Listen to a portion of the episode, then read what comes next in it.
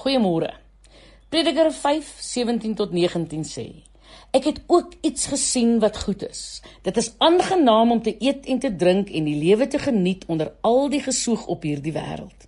Dit kom in mens toe vir die hele leeftyd wat God hom skenk. God laat die mens sy deel ontvang en sy werk met vreugde doen. Dit is 'n gawe van God.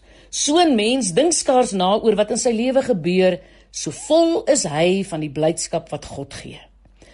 Ons wêreld en spesifiek tegnologie verander en ontwikkel teen die spoed van lig. Terwyl ons ons rekenaars en slimfone gereeld opdateer, vergeet ons dikwels van die innerlike mens. Ons eie stelsel van geloof, waardes en groei het ook opgradering nodig. Dit maak nie saak hoe graag ek en jy wil groei en vooruitgaan nie. Indien ons nie self verantwoordelikheid neem en ons eie horisonne verbreek nie, gaan ons nêrens kom nie. Kyk om vasgevang te voel in omstandighede weerhou jou van jou ware self en potensiële ontwikkeling. Jy moet egter verantwoordelikheid neem vir jou eie geluk. Dit beteken dat jy nie ander kan blameer indien jy ongelukkig is nie. Mense kan jou in elk geval nie gelukkig maak nie, man. Geluk lê in jouself. Mense kan jou wel gelukkiger maak. 'n Persoon wat verantwoordelikheid neem vir sy of haar eie geluk, besef natuurlik bo alles dat geluk oor gesindheid gaan eerder as eksterne faktore. Nou verandering en aanpassing is onafwendbaar vir 'n sinvolle voortbestaan. Ek onthou so goed die dag toe my rekenaar 7 jaar gelede opgepak het en ek vir my 'n nuwe rekenaar moes kry. En my assistent my soort van gedwing het om 'n spesifieke rekenaar aan te skaf wat later met die nuwe foon wat ek volgens hom ook moes kry kon sinkroniseer. Dit sou blykbaar my lewe baie makliker maak. Jong, ek wou dit glad nie doen nie. Ek was gemaklik met dit wat ek ken. Iets nuut is tog net moeite.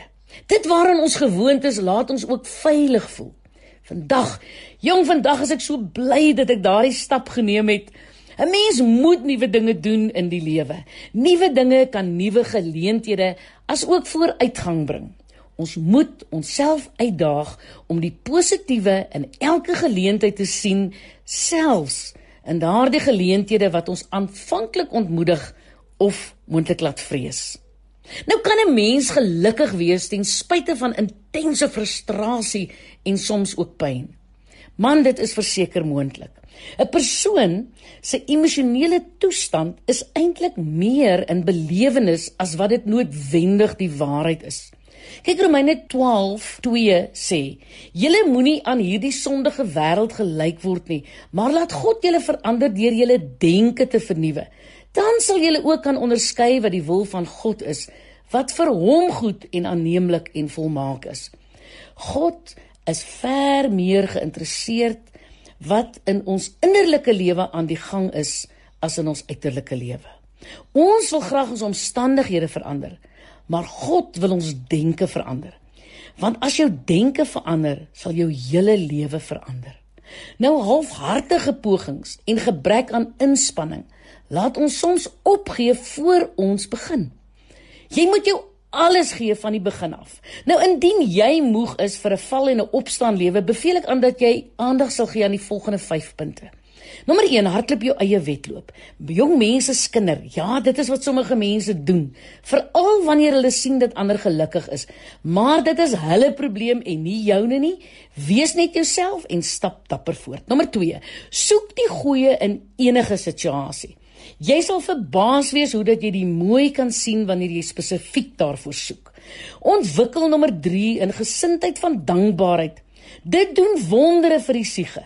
Nommer 4 Leef in die oomblik. Indien jy in die verlede leef, sal dit jou depressief maak en indien jy vrees vir die toekoms, sal jy angs ontwikkel. Leef nou. En ja, lag ook 'n bietjie meer. Lag is so lekker en dit is aansteeklik en dit is goed vir jou. En in die spel van die werklike lewe moet jy iets doen voordat jy iets daaruit sal kry. Jy kan nie gaan sit of gaan lê nie. Jy moet elke dag opstaan, jouself mooi maak en dapper aanhou stap. En soms is dit na 'n onbekende adres. Ek is Lenet Beer vir Radio Kansel.